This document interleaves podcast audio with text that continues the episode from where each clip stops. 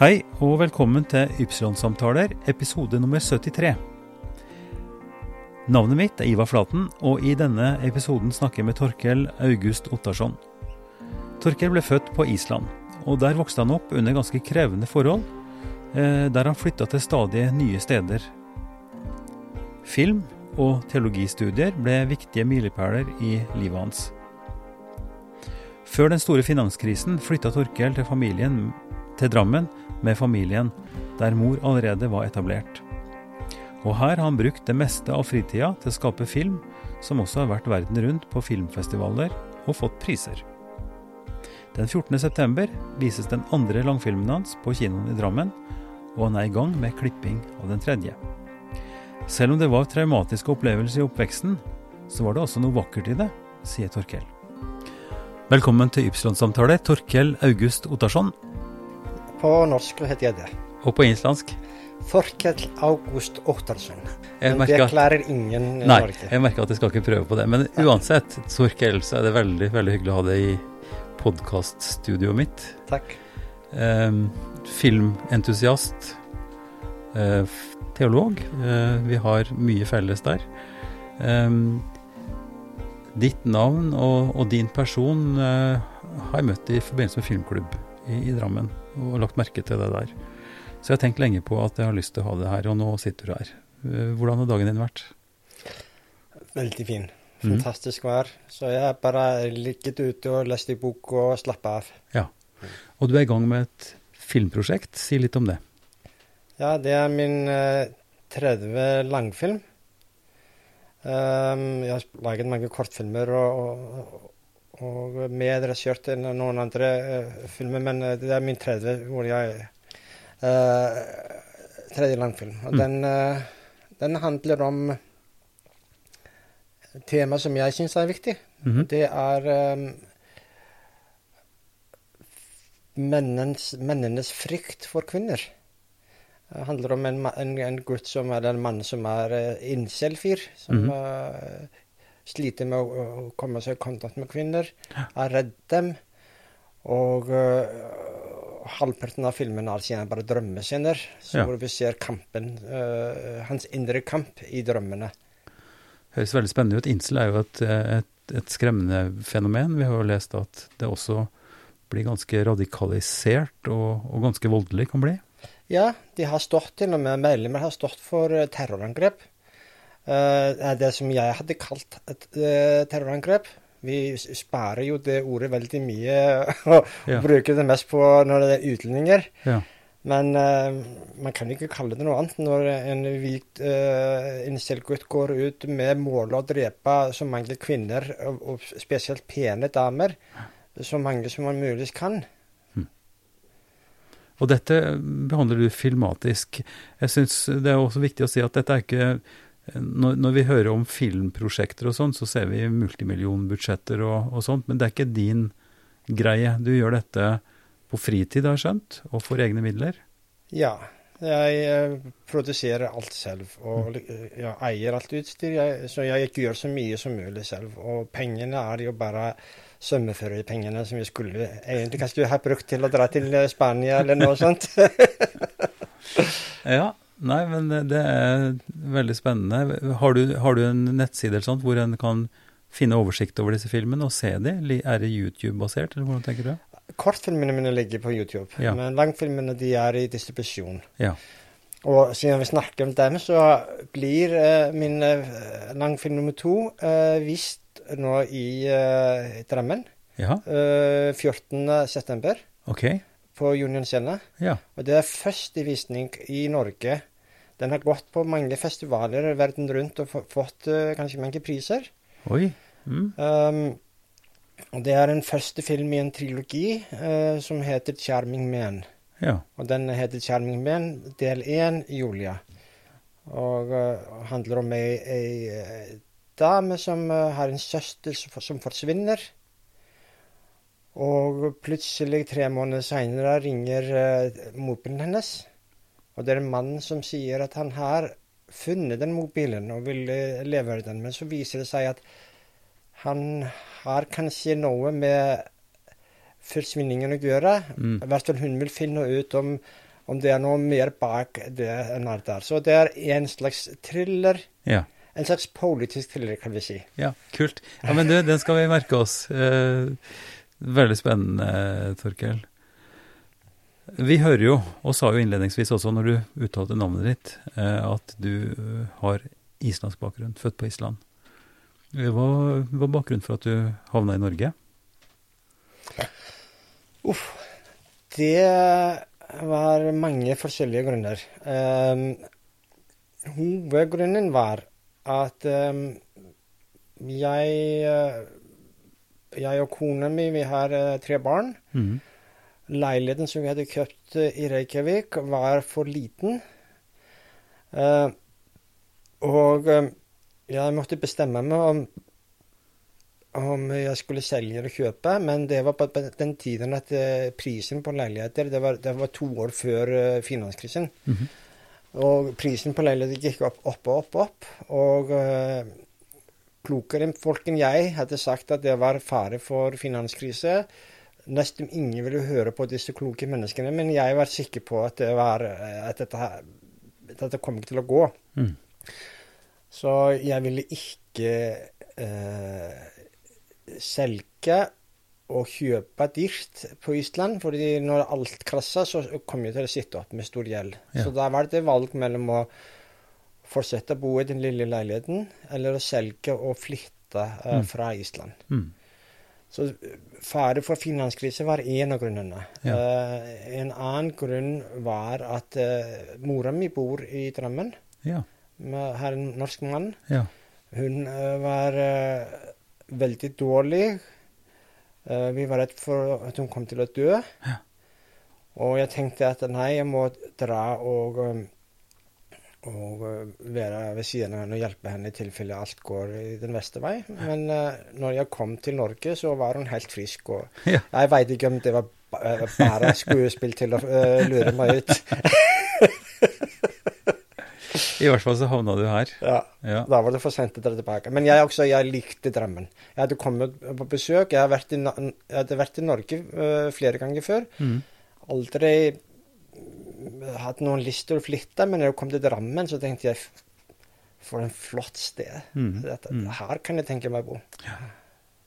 Ja, og vi er, vi er jo flere som føler sånn. Eh, I dag så har jeg vært eh, oppe i marka på, på Bragnes-sida, men det er også fantastisk her på Strømsø-sida.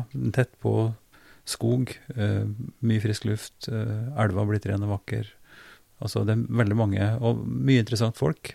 Ja, og bare visuelt flott. Jeg har jo laget så mange filmer her. Jeg filmer nesten hele Drammen. Ja, ja. Og øh, til og med filmer steder som har forsvunnet. Så jeg har tatt vare på ganske mange steder som ja. ikke eksisterer mer. Bygninger og, og, andre ting. Mm. Jeg elsker å filme i Drammen. Eh, Det er så flott visuelt. Ja, Men uh, har du, er du filmutdanna? Har du filmfaglig bakgrunn? Jeg studerte teologi, og så ble jeg interessert i um, teologi og kultur. Mhm. Så jeg eh, Ved siden av eh, teologien så tok jeg eh, eh, filmstudie. Mhm. Og Så jeg, jeg utdannet innen filmstudie. Mhm. Og jeg blanda disse to sammen, og, og, og, og det som jeg Ja, min øh, øh, BA-oppgave og, og alt det handler akkurat om film og kultur og ja. Ja. Um, og det er det som jeg har jobba med siden etter jeg er ferdig uh, som teolog. Jeg skrev bøker om film og, uh, og uh, bibliske tekster. ja. På, på islandsk? På islandsk og en del på engelsk. Ja. Mm. Eh, ny- Nysgjerrig også på, på den teologiske bakgrunn. På is, du, du tok teologien på Island, ikke sant? Ja. Reykjavik. Mm. Eh, og hva slags kirkelig tilknytning eh, er, det? Altså det er den islandske lutherske kirka, eller? Um, dette her var på universitetet på Island. Island. -hmm. uh, de er selvstendige. Det vil Mm. si at de, de, de hører ikke under kirken. De Nei. samarbeider med kirken på viss må, øh, måte og visst område, men Mm. uh, ikke så veldig mye. Nei. Så um, jeg var faktisk den første, tror jeg, som ikke var kristen, som eh, studerte Ja. teologi. Ja.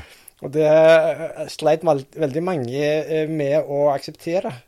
Ja. Og, og, og, sleit med å forstå at man kunne være teolog hvis man ikke var kristen. Ja. Det er jo i seg sjøl en veldig interessant problemstilling. ikke sant? Den etiketten kristen. Mm. Eh, jeg vil jo sånn litt retorisk si at eh, en person som har vokst opp på Island, eller i Norge for den del, i en norsk setting, eller en islandsk setting, per definisjon, kulturelt sett, eh, er veldig dypt stempla som kristen. Altså i hele kulturen og, og, og hele greia. Eh, og nå for de som så, som, som, ikke ser, så rister du først på hodet, og så nikker du. nei, nei, jeg, så, så dette... nei, jeg, skjønte når jeg rister på hodet at, at ja, ja. det kunne misforstås, men, ja, jeg, er 100, men, jeg, er 100, enig med deg. 100% enig. Jeg er veldig kristen, i, eh, selv om jeg Og religion har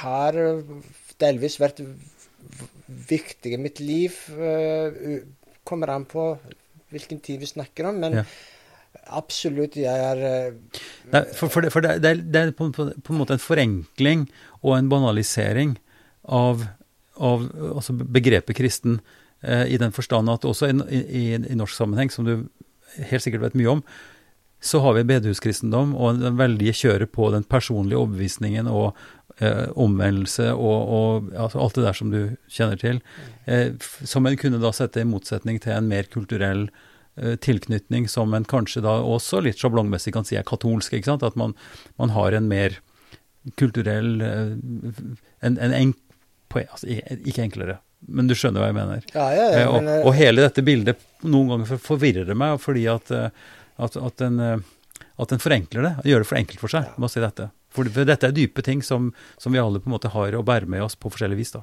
Så kan gå lenger og kan si at uh, nesten all kunst som kommer fra den vestlige verden, er en kristen kunst. Mm.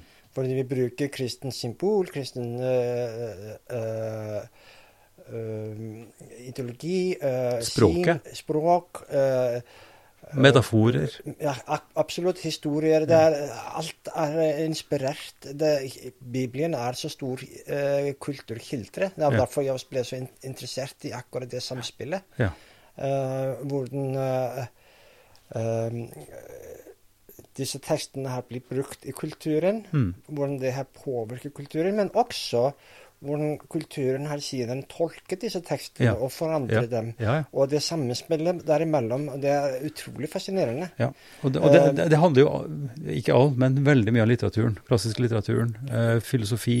Nesten hvilket som helst område så er det dype preg, som vil si, altså, som, som, har disse gjenkjennbare strukturene. Absolutt. Og, og, bare hvis du, hvis, du, hvis du, setter folk ned og ber dem å lese historien om Adam og Eve, så tviler jeg på at fleste klarer å gjøre det.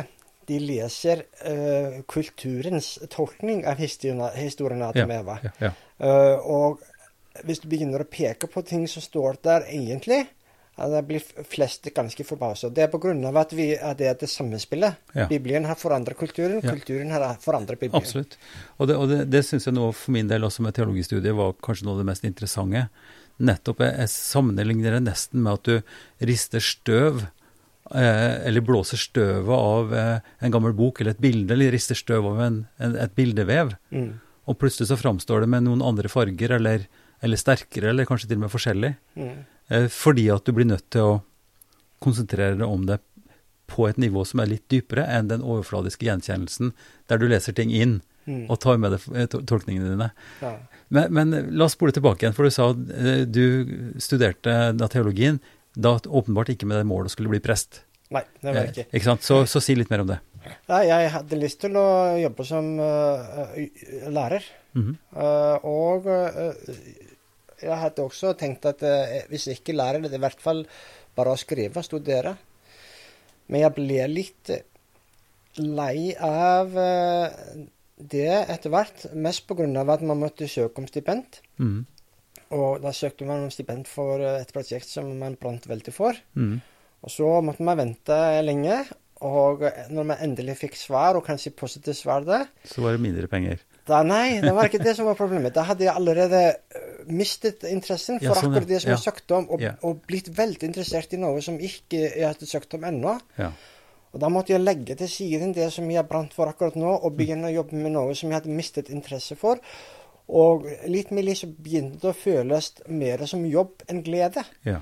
Og eh, ja, pluss at det var jo det å, å sitte og studere sånn, og skrive sånne bøker, det, det er en ensom jobb. Mm. ja. Absolutt. Så når det begynte å bli så mye jobb, og man satt så mye aleine eh, i sine egne tanker, eh, da mistet jeg litt interessen. Hmm. Ja. Nettopp. Og derfor så gjorde du andre ting. Ja, og så flyttet jeg til Norge, og da tenkte jeg jeg skulle begynne å jobbe som lærer på Universitetet i Oslo. Men eh, det var, det var en veldig liten interesse i akkurat det som jeg var interessert i.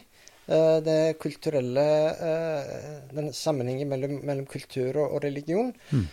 Og eh, pluss at jeg snakker ikke så mye norsk, så jeg tenkte jeg, jeg begynner å jobbe med andre ting mens jeg lærer norsk, og så får jeg se om jeg kommer meg inn uh, universitet Mm. som lærer, men uh, det ble aldri noe av det. Jeg, jeg begynte å jobbe med folk som har rusproblemer, fant meg veldig der. Mm. Og på samme tid så kjøpte jeg meg kamera og begynte å lage filmer. eh, eh, jeg tenkte nei, det, her er gleden. Her er, Ja, dette her brenner jeg for. Mm. Og da, desto lengre det var siden jeg jobbet som lærer, desto mindre lyst fikk jeg til å dra tilbake inn i det, det miljøet. Mm. Sånn kan det gå. Mm. Sånn preger tilfeldigheter eller omstendigheter oss. Det er jo Mm. ganske gjenkjennbart. Mm. Eh, hvordan synes du Altså, du hadde jo forankring, som du sier, til Drammen og fordi mor eh, bodde her. Men hvordan opplevde du det kulturmøtet, eller kulturforskjellene? Det er jo Altså, Island og Norge er jo to sider av samme sak, kunne en på en måte si, men også veldig forskjellig. Så hvordan er det å komme som islending til Norge? Det er eh, kanskje to eh, største kan vi kalle det sjokkene. Jeg jeg, jeg, man kan ikke egentlig snakke om kultursjokk, for det er ikke så stor forskjell. Men eh, det er noe som forbauser meg. Mhm. Uh, nummer ett var at um, islendinger uh, pakker ikke ting inn. De, sier- De sier ting rett ut. Mm. Uh, det slo meg litt. At man, man, man måtte være så veldig forsiktig med å si uh, okay. hva man mente. Mhm. Og, og det var veldig vanskelig å få noe klart svar. Jeg følte som at jeg, jeg snakka hele tiden gjennom grimaser. ok. Uh, litt slitsomt. Og Ja. man var, kan ikke 100 være sikker på hvor man har folk. Fordi alle spiller noen sånn ja, rolle. Ok, Uh, Selvfølgelig er det ulikt fra person til person, men Ja, hvis. Man, hvis man ser um, bare på sånn Hvis man generaliserer ut fra kultur, så er det så er folk mye mer direkte på Island enn de er Ja. her på Østlandet. Ok. Mm. Når jeg har møtt nordmenn fra Nord-Norge, eh, da føler jeg som jeg endelig møter noen som jeg, forstår, fordi Ja. jeg føler de er mye, mer direkte. Ja. ja. Um, føler meg som jeg er nesten hjemme der. Mm. Mm. Den andre siden var at uh, islendinger har ganske eh, sort humor, uh, veldig mye ironi, Mm. Det var vanskelig å, å jeg, jeg, jeg vil mene at jeg er litt morsom, men uh, det falt helt flat, uh, flatt når jeg kom til Norge. Folk ble bare så sjokkert når jeg skulle være morsom. Ja. okay. uh, så, så jeg måtte dempe veldig den mørke, ironiske humoren og pakke, pakke alt inn der, i hvert fall. Interessant. interessant. Det, er, det er morsomt det du sier om Nord-Norge, for det er jo en sånn, og en slags sjablong. Eh, ikke sant? At, at der er folk mye mer direkte, både i språket, litt mer friskere. ikke sant? Det kan være mer De kan bannes uten at det er liksom noe spesielt med det, mens en er nok ja, kanskje mer forsiktig her på Østlandet, og enda mer på Sørlandet, kanskje. Og dette er jo også kultur, Mm. kulturbestemt, så klart. Mm. Mm. Språkmessig, da? Altså, jeg husker på, på, på gymnaset så lærte vi jo norrønt. Altså, det var en del av norskundervisninga. Lærte. Altså, vi leste noen få tekster og prøvde å forstå og sånn. Og det, det er jo gjenkjennbart. Det går, å, det går an å skjønne skrift, det går an å skjønne tekst til en viss grad. Men det er også noen morsomme alfabetforskjeller og sånt. Mm. Um, du snakker jo tydelig med aksent, men det er ikke vanskelig å skjønne det. Tok det tid for deg å, å på en måte komme inn i, i, i språket, syns du? Ja Jo, det tok meg sånn ca. Eh, seks måneder eller noe sånt. Mhm. Uh, jeg blir sikkert aldri veldig flink, men mm. uh, god nok til å jeg forstår, tror jeg. Mm. Nei, for for du, du snakker ikke islandsk hjemme, eller? Ja. Islandsk hjemme, Mm. ja, nettopp. Ja. Mm. Nei, var, eh, det var veldig bestemt. Uh, barna mine skulle ikke lære norsk av meg. Nei. Eh, de tjener ikke noe på det. Nei. Nei. Nei, og så blir det jo tospråklig. Altså, det er Ja, jo en, en, en, en fordel. Det er en gave. gave. Mm. Um, jeg er jo nysgjerrig også på bakgrunnen. Jeg spør ofte folk om dette, og du kan si altså, mye du ønsker å si om det, men, men barndommen din, hva er det som har prega Torkel, sånn at du har blitt den personen du er? Hva, hvordan var oppveksten din? Hvordan var jeg gutt på, i, i oppveksten din? I Reykjavik, eller var det andre steder du vokste opp? Jeg sliter veldig med for, å fortelle hvor jeg kom fra, for Ok, har flytta så mye. Ja. Mm -hmm. uh, jeg har um, uh, Jeg er én av ni barn. Oi. Mm -hmm. uh, det vil si at um, jeg har en helbror, -hmm. og så har faren min to andre barn i Nederland, som han hadde, fikk med en kone etter han flyttet dit. Mhm. Og så har jeg uh, har mora mi, uh, det vil si min allbror, og så eh, fem andre barn. Hmm. Um, og eh, Så jeg kommer fra en veldig stor familie. Ja, ja.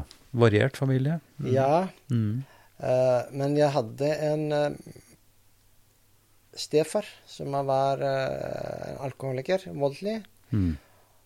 Eh, det er en grunn for at han, han sleit jo også. Er også et offer for et dårlig, og- dårlig offer som oftest er. Det, er, Ja, ja. det arves. Sinnene arves, akkurat Ja. som sier testamentet. Ja, ja. Um, selv om det er ikke arvelig på den måten, men at vi, vi tar imot eh, det som tidlige tidligere generasjoner har påført. Ja, så vi, han, eh, han var ganske vanskelig, og vi måtte derfor ofte flytte fra by til by. eh, når han hadde ødelagt mye for seg selv, og, og, og folk hadde eh, Folk i forskjellige byer hadde gitt opp på ham ja. og snudd ryggen til ham. Ja. Så, så jeg er oppvokst nesten overalt før Det er derfor det er litt morsomt når du spurte meg om røttene mine. Ja. For jeg, jeg, jeg, føler, jeg har alltid følt som jeg ikke har noen røtter. Uh, fordi jeg flytta så mye. Og røttene ble mer håp om noe bedre i fremtiden.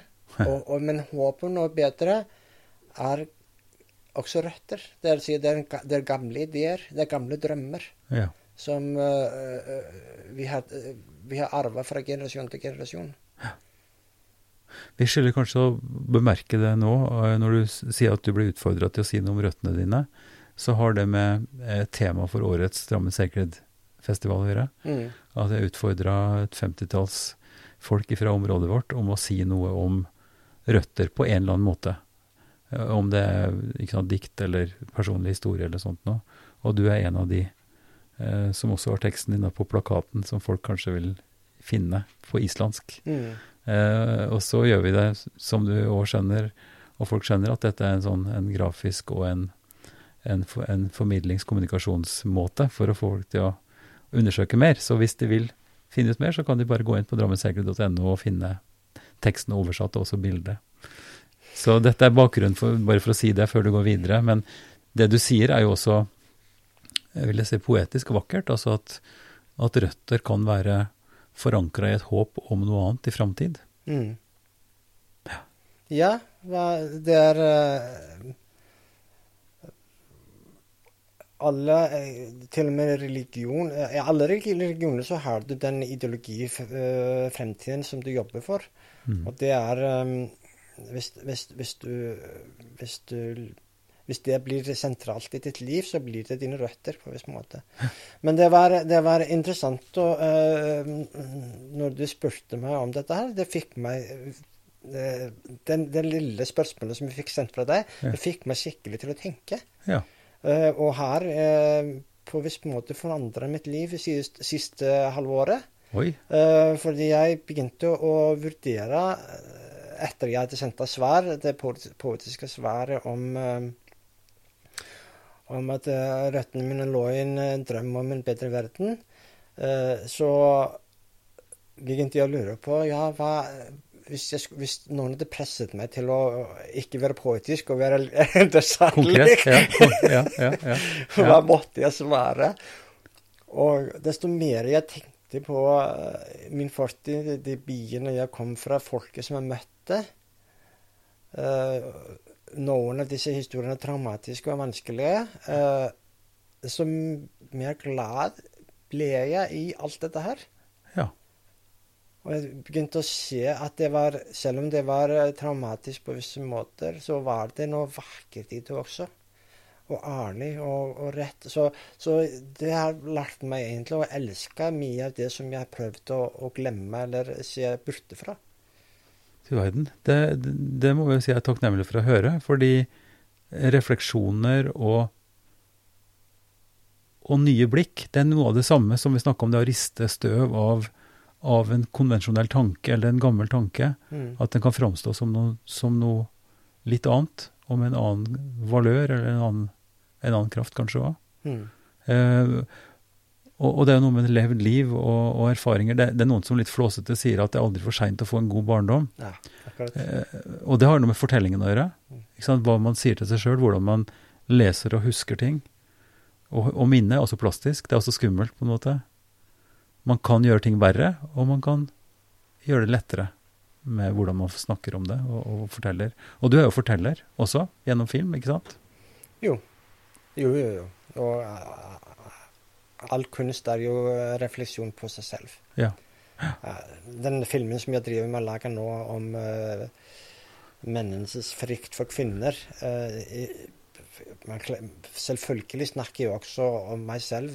Alle, alle menn, uh, og sikkert kvinner også, kjenner til at det er, kan være skummelt hvis du plutselig blir veldig forelska i noen og du mister kontroll. Ja. At, at, du opplever som noen andre har plutselig fått kontroll over deg. Mm. Uh, jeg tror det er noe som de fleste kjenner seg til i. Mm. Det er kanskje vanskeligere for mange menn enn kvinner. fordi i vår kultur så er vi veldig opptatt av at mannen skal være sterk. Mm. Uh, og, og, det kan true den uh, patriotiske uh, ideologien som mange er oppvokst i. Ja. Så, så, ja.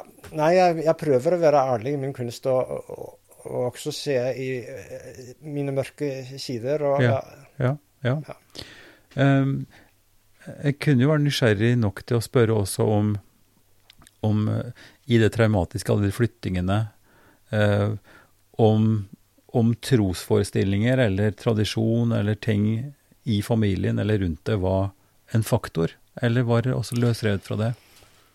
Ja, det er et interessant spørsmål. Uh, jeg etter det første som jeg sa når jeg ble spurt som barn hva skal det bli Torkil når du blir stor, det var at jeg skulle bli en prest.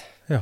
Så det viser i hvert fall noen interesse for religion. Mm. Uh, jeg, på Island så var det slik at um, at islendinger var veldig redde for at barn som vokste opp i storbyer, at de eh, kom til å bli ukulturelle. fordi de, du måtte vokse opp på landsbyen til å, til å, bli kjent med ekte islandsk kultur.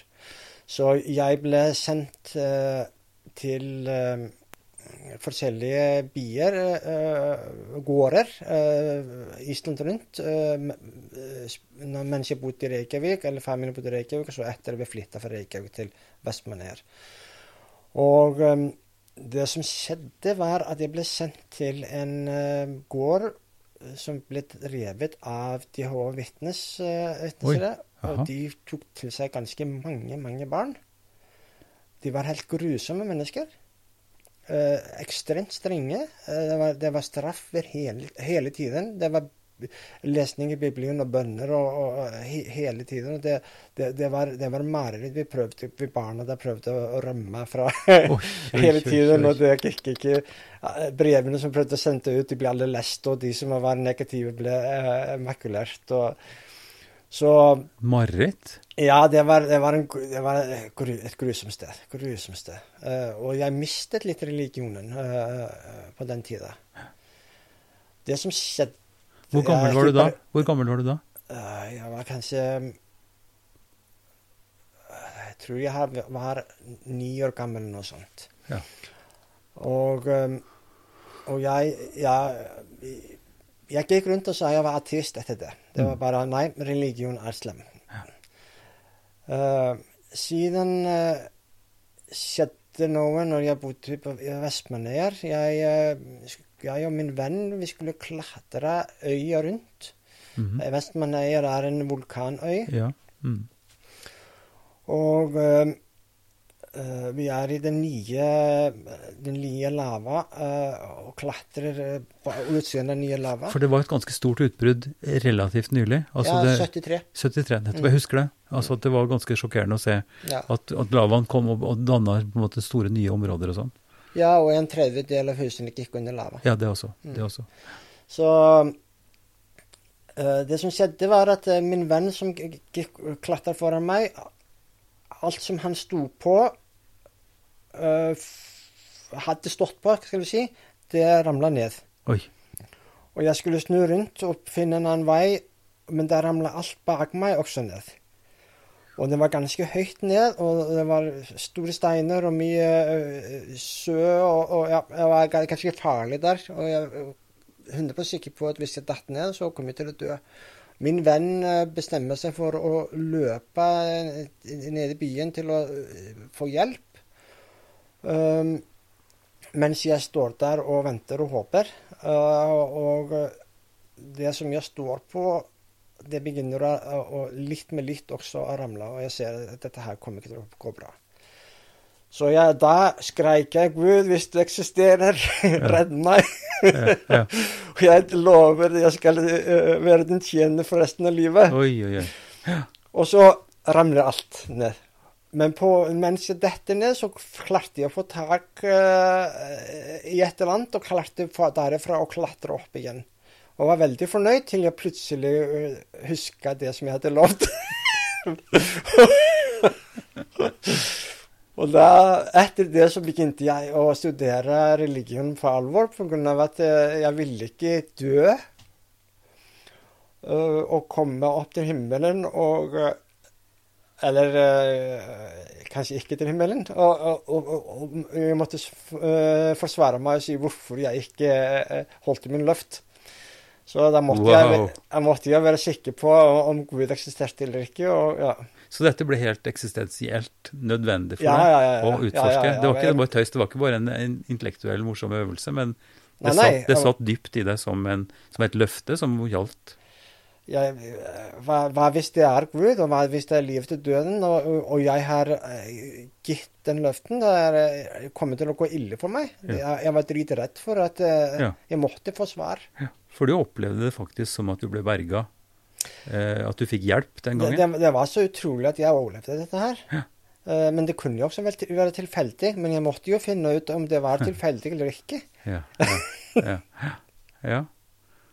Eh, og dette satt i deg ganske lenge, vil jeg tro. Når, du, når du studerte, da ville du Nei, vi kan ikke gå den veien, for det blir, vi, vi kan ta opp det seinere, kanskje. Nei, men jeg kan svare nei. Ja. Det som skjedde, var at jeg begynte å studere forskjellige eh, religioner mm. og, eh, og forskjellige eh, kristne grupper. Eh, jeg likte ikke noen av dem. Jeg likte kanskje den islandske kirken best av alle, men, men det var et eller annet som irriterte meg flest. Mm.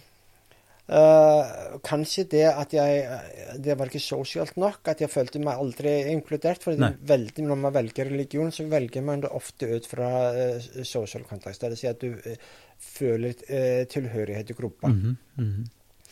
Men så ble jeg kjent med en mann Jeg har ofte tenkt på det, at det var den, den ene dagen jeg jobba i fiskfabrikk. Eh, jeg setter meg ned og snakker med en mann, og den ene dagen og den dialogen forandra alt i mitt liv. Mm. Og hvis jeg hadde ikke vært der og snakka med han akkurat der, så hadde livet mitt blitt helt, helt annerledes. Det viser seg at han uh, tilhører en religion som er uh, bahai-religionen. Mm, nettopp. Og, uh, og jeg uh, setter meg ned og begynner å snakke med han, ble veldig fascinert. Dette hør, hørtes så eh, logisk og annerledes ut, og så spennende. Så etter hvert så ble jeg bahai. Mm. Um, og uh, den begynte å, å bli en ganske stor del av mitt liv. Jeg dro til Albania hvor jeg møtte min kone pga. at jeg skulle jobbe uh, Spre ut de gode nyhetene. Ja. Som misjonær, rett og slett? Jeg var egentlig misjonær. ja. Ja, ja. Ett år i Albania. For Albania er ikke noe spesielt bahai-samfunn, eller? Var, det var mange som ble bahaier der, men uh, hvor mye det var uh, hvor, hvor ærlige de var, eller om det var bare pga. at det var vestlig religion og hørtes spennende ut, vet jeg ikke. Nei. nei. Det var uh, Så nei, i dag så er det fleste er jo kristne og muslimer akkurat som fra før. Ja. Men det er, det er en gruppe der. Ja, og så flytter vi tilbake, jeg og kona mi, til Island. Og, men Og jeg jobba faktisk Jeg var på Hai når jeg begynte å studere teologi. Mm. Uh, det var mest pga. at jeg var interessert i teologi. Uh, ikke, selvfølgelig som Hei kom jeg aldri til å jobbe som prest. Um, men jeg kan si også at teologien begynte å um, åpne øynene mine for at uh, ikke alt stemte innen Bahai-religionen, akkurat som de hadde uh, predikert at uh, ting var. Mm. Og jeg tror også på en viss måte så Jeg hadde en del traumer og, og problemer fra min fortid som religionen hadde hjulpet meg med. Mm. Uh, men jeg tror at jeg hadde, på den tida så hadde jeg vokset nok til at jeg hadde ikke behov for Eller kjente som jeg ikke hadde behov for religion, mer. Jeg slutt Plutselig så jeg, jeg pleide alltid å, å lese religiøse tekster, si bønn. Plutselig så ga det meg ikke noe. Um, den gleden uh, og næringen som jeg hadde Mhm, opplevd, den var mhm. borte. Mm. Og det var Det var ikke behagelig. Jeg, jeg, jeg ville ikke at det skulle skje. Jeg, jeg prøvde å kjempe mot det. Mm. Og jeg var helt desperat, fordi plutselig så var den grunnen som jeg hadde basert mitt liv på, Mm. borte. Mm. Og jeg måtte begynne å stille igjen spørsmål om Ja, hva ja. skal jeg bygge livet mitt på. Ja. Um, og, og, det- er, det er jeg, I ganske mang, lang tid så var jeg bare helt deprimert. Mm. Fordi Ja. det var så skummelt. ja, ja. Det skjønner jeg. Mm. Det er store ting du, du forteller om. Det som sjokkerer meg, og som jeg er nysgjerrig på, så hvis vi kan bare spole litt tilbake igjen, Mm. det du sa at, at eh, altså en urban kultur, eh, islandske foreldre er litt engstelige for en type urban kultur som da drar det bort ifra det tradisjonelle islandske, og at du dermed ble, ble, at det var vanlig å sende ungene rundt på gårder. Hva slags, og det var jo ikke da Jehovas vitnekultur en var ute etter, åpenbart. Nei, Det, det, hva, hva- hva er den greia, liksom? ja, det er en merkelig ting. Um, du skulle en, Du kan ikke kalle det en mann hvis du ikke kan uh, melke en ku. Uh, det er nesten så banalt som det. Ja. At uh, du må kunne uh, sånn grunnting eh, til å overleve. ja. Men det var også det at eh, folk som bodde i Reykjavik eller større byer, de snakka ikke godt nok islandsk. Eh, så det var, det var der den rene, perfekte islandsken Ja. eh, var. Og, ja, og, den gamle, gamle kulturen som hadde begynt å forsvinne. Um, den islandske kulturen hvor, hvor du levde av landet og ja.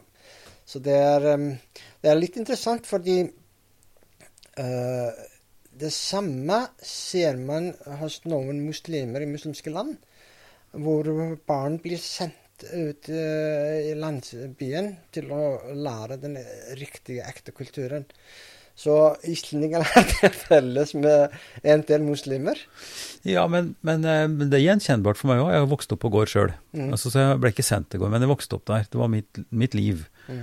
Eh, Og det praktiske arbeidet med vedhogst, med hersing, traktorkjøring, eh, jobbe i fjøsen, Mm. alt det der, mener jo sjøl, og, og på setra om sommeren, ikke sant, med melking og passe, passe kyr og sånt. At det har gitt meg en type eh, grunnforståelse for, for, livets alvor, eller hva arbeid egentlig betyr. Og, og det har gitt altså det, har, det har jeg nevnt tidligere i denne sammenhengen òg, at, at, ordentlig arbeid, det som er ordentlig arbeid, handler om at du blir sliten svett skitten. Altså fysisk arbeid. Der du kan se at noe forandrer seg. Altså, og det er en sånn grunnleggende impuls. Eh, så jeg gjenkjenner det og anerkjenner at, at, det å være vant til å ha ansvar og gjøre faktisk fysisk arbeid, der du blir satt i en sammenheng og blir regna med, er nesten en sånn grunnleggende menneskelig eh, kvalitet og en basis for å kunne bli et ansvarsbevisst menneske. da. Mm. Så, jeg, så, jeg, skjønner veldig godt det. Men jeg forestilte meg, jeg fantaserer mer av at det islandske språket, Snorre Sturlason, skriftkulturen, eh, disse fantastiske forfatterne som vi leser i dag, Eh, men det, har, det, var mer materielt og enkelt enn som så. Det var ikke det som Men du snakker om språk, da? Altså islandsk språk? Ja. Det, saken er at det her Det var um, Islendingene var, var veldig, skeptiske til bier lenge. Så bier uh, større bier begynte å danne seg for ganske seint pga. At de var så skeptiske til biene. Du kunne ikke være et ordentlig menneske hvis du ikke bodde på landsbyen. Mm. Så jeg tror det var litt arver av det. Du finner ikke den uh, tankegangen så mye mer i dag. Uh, jeg var eh, den siste generasjonen som skulle redde. Etter det så var alle fortapt. Men du er ikke noe gammelt menneske? Du er 40, eller? 52. Du er 52? Ja. Ok. Ja, se det. Du holder deg godt. Det er fordi at du har at du har hatt det hyggelig i livet, da, kanskje? Eller kanskje vært på gård? ja, nei, jeg, eh, det var både positivt og negativt. Jeg, har, jeg har gode minner fra å være på gården, men jeg også ja, som eh, Jehova-vitne, ja. da var det Ja, men man fikk man ble kjent med ganske mye rart. Ja, ja, ja, ja.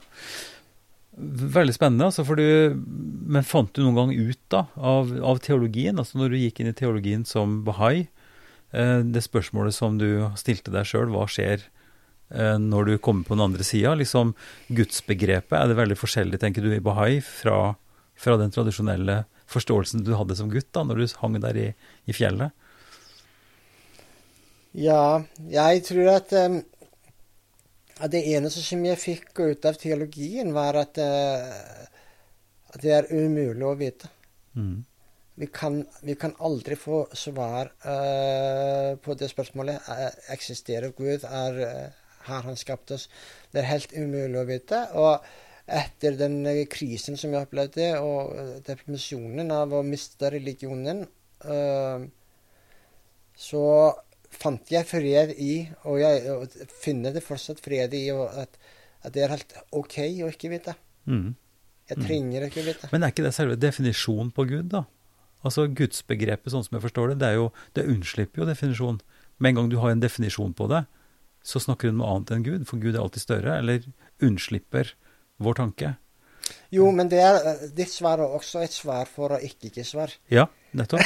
Ja, ja det, er å, det, er å, vri seg unna på en måte. Men samtidig, og, og muslimene snakker om de 99 egenskapene. Mm. Eh, og, og, i India, ikke sant, med hinduismen, så har du Altså gudene framstår, eller Gud framstår i så utrolig mange skikkelser. Og det er jo en slags bearbeidelse av det samme.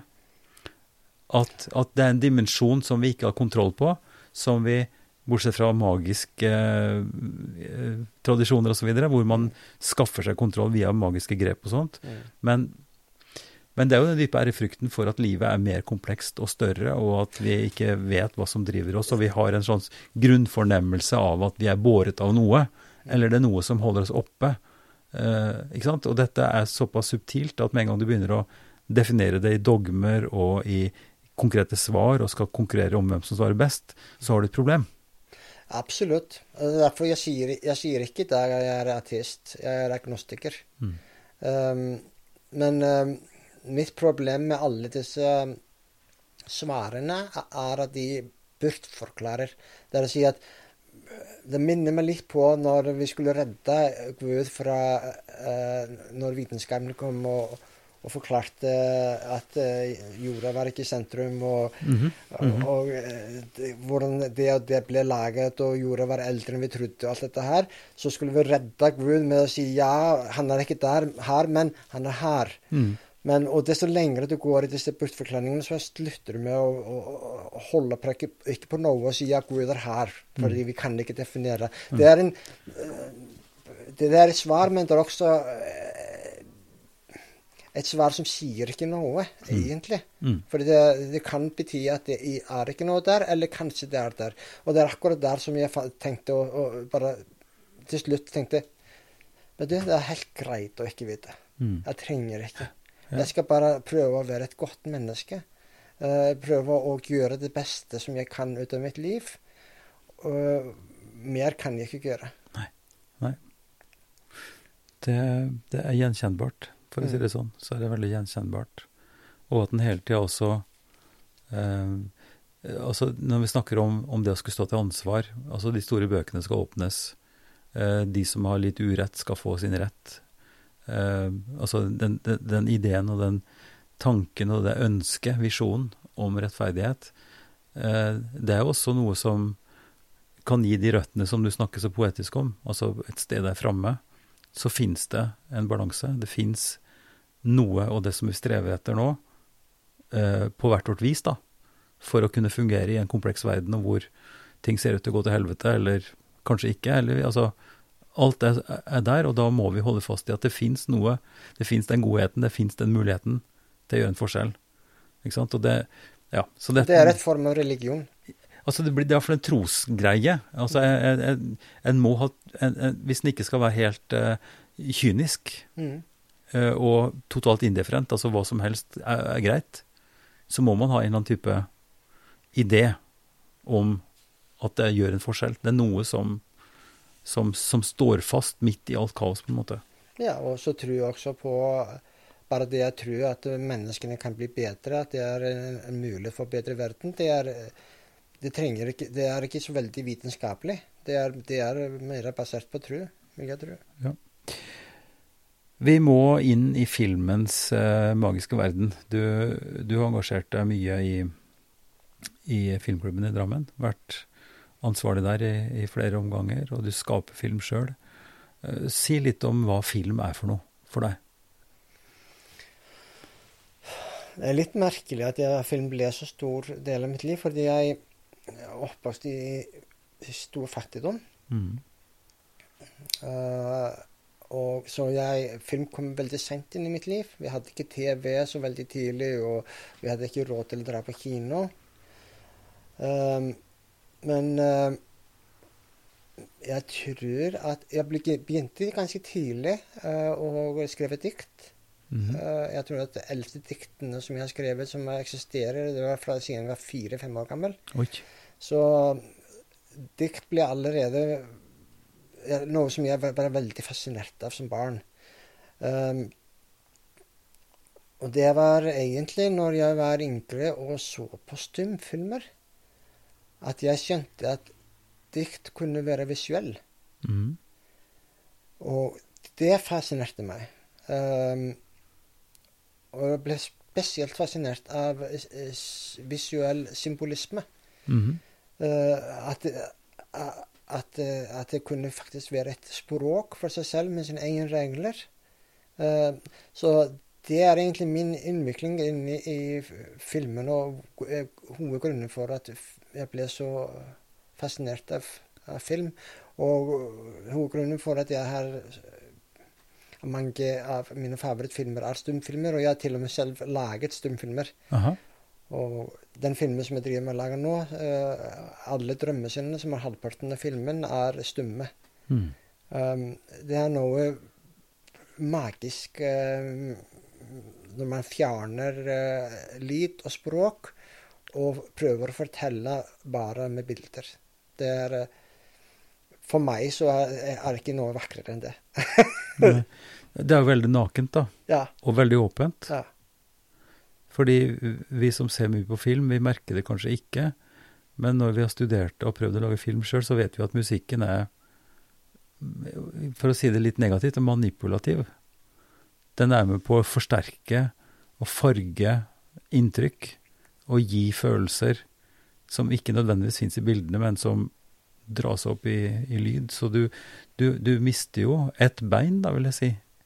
Jo, Men um, og selv om du har mange stumfilmer, har jo musikk. Men bare det å fjerne dialog uh, fordi når du bruker dialog, så kan du bli ganske lat.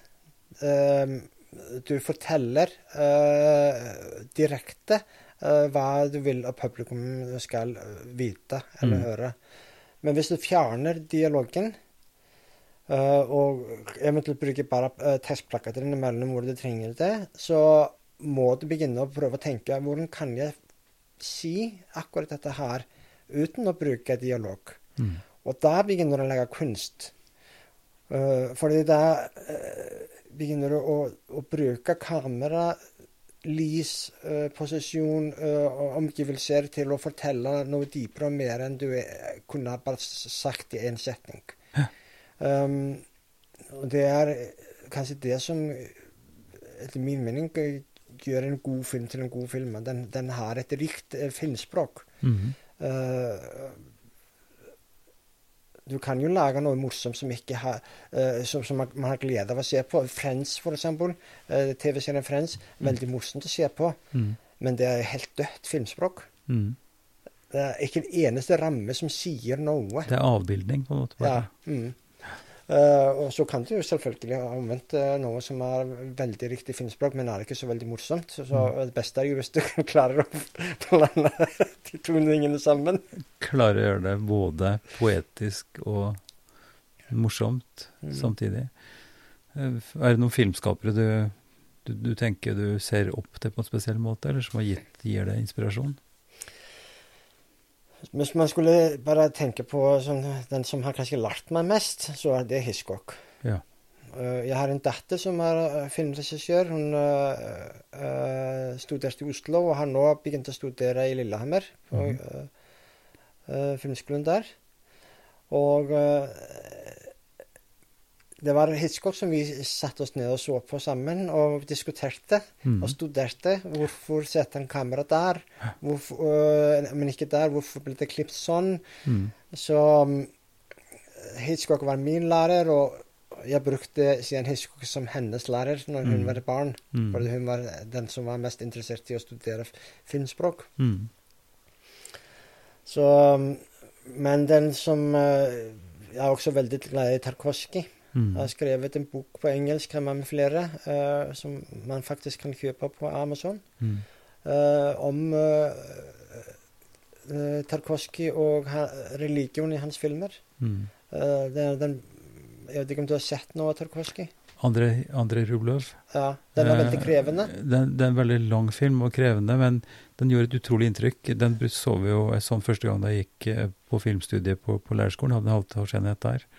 Eh, men også en sånn eh, veldig sterk, eh, både i for formidlinga av munkene, men også tartarangrepene, støping av den klokken. Altså veldig store og, og sterke og fascinerende maleriske scener. Og der er den klokka symbol for kunsten og det her tro på det som skal skape, og det er det som er Ja, det er en fantastisk regissør. Um, men um, jeg er veldig glad i 'Lawrence of Arabia'. Det er en film som jeg har sett uh, på gang på gang på gang. Jeg vet ikke hvor ofte jeg har sett den. Uh, ofte når jeg har spurt hva er favorittfilmen din, så viksler jeg litt imellom, men uh, nevner ofte 'Lawrence of Arabia'. Den andre som jeg nevner ofte, det er uh, 'Passion of the Arc', eller uh, Jean de Arc ja, av ja, Dreyer. Ja.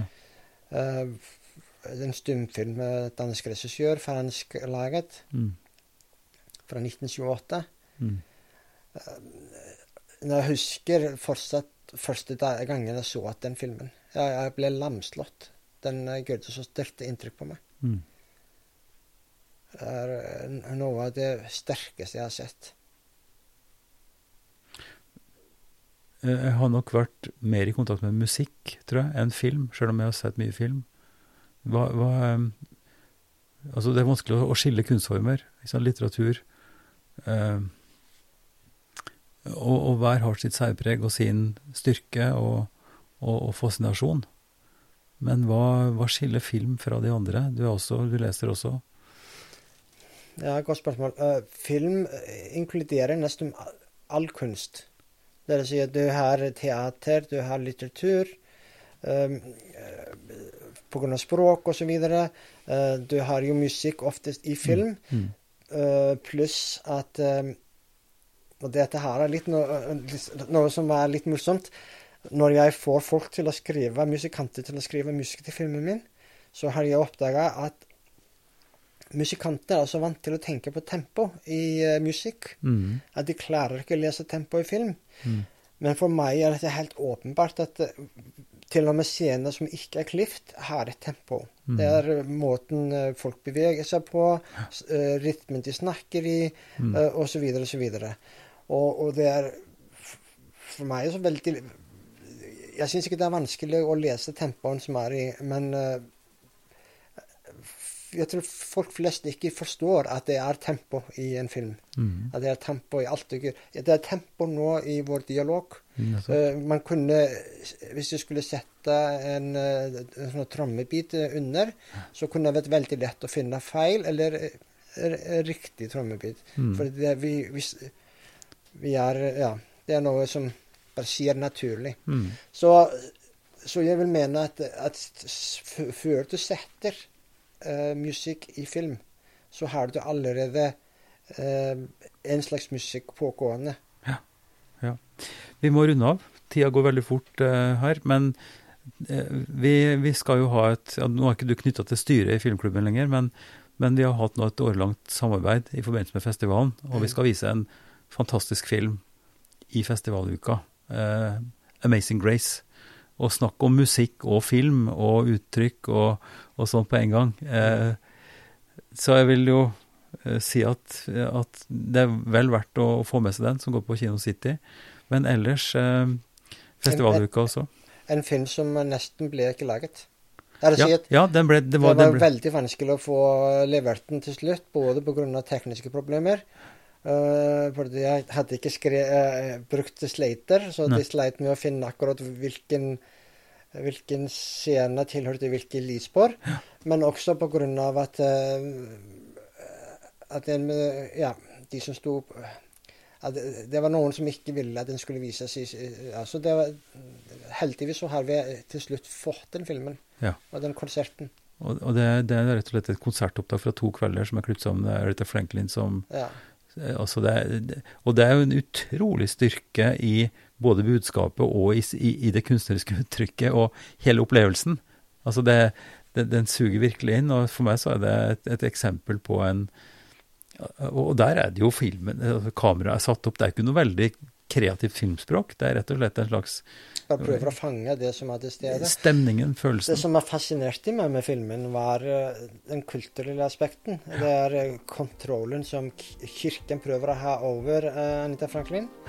Eh, og prøver å akseptere henne tilbake på, på sin egen Og så er det den dynamikken, disse mennene som prøver å kontrollere den kvinnen som er der. Det, det er veldig fascinerende Ja, å studere kultur, eh, det kulturelle som sitter bak. Ja.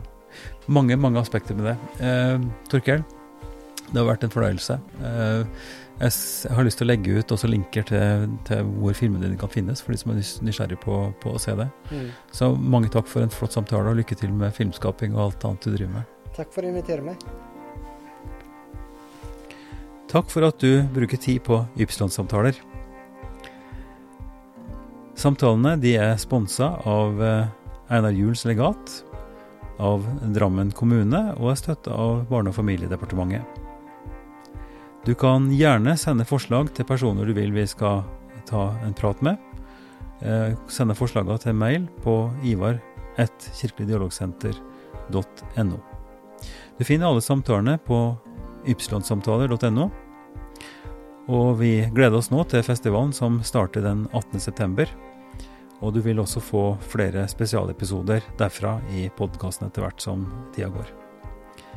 Velkommen til å lytte videre.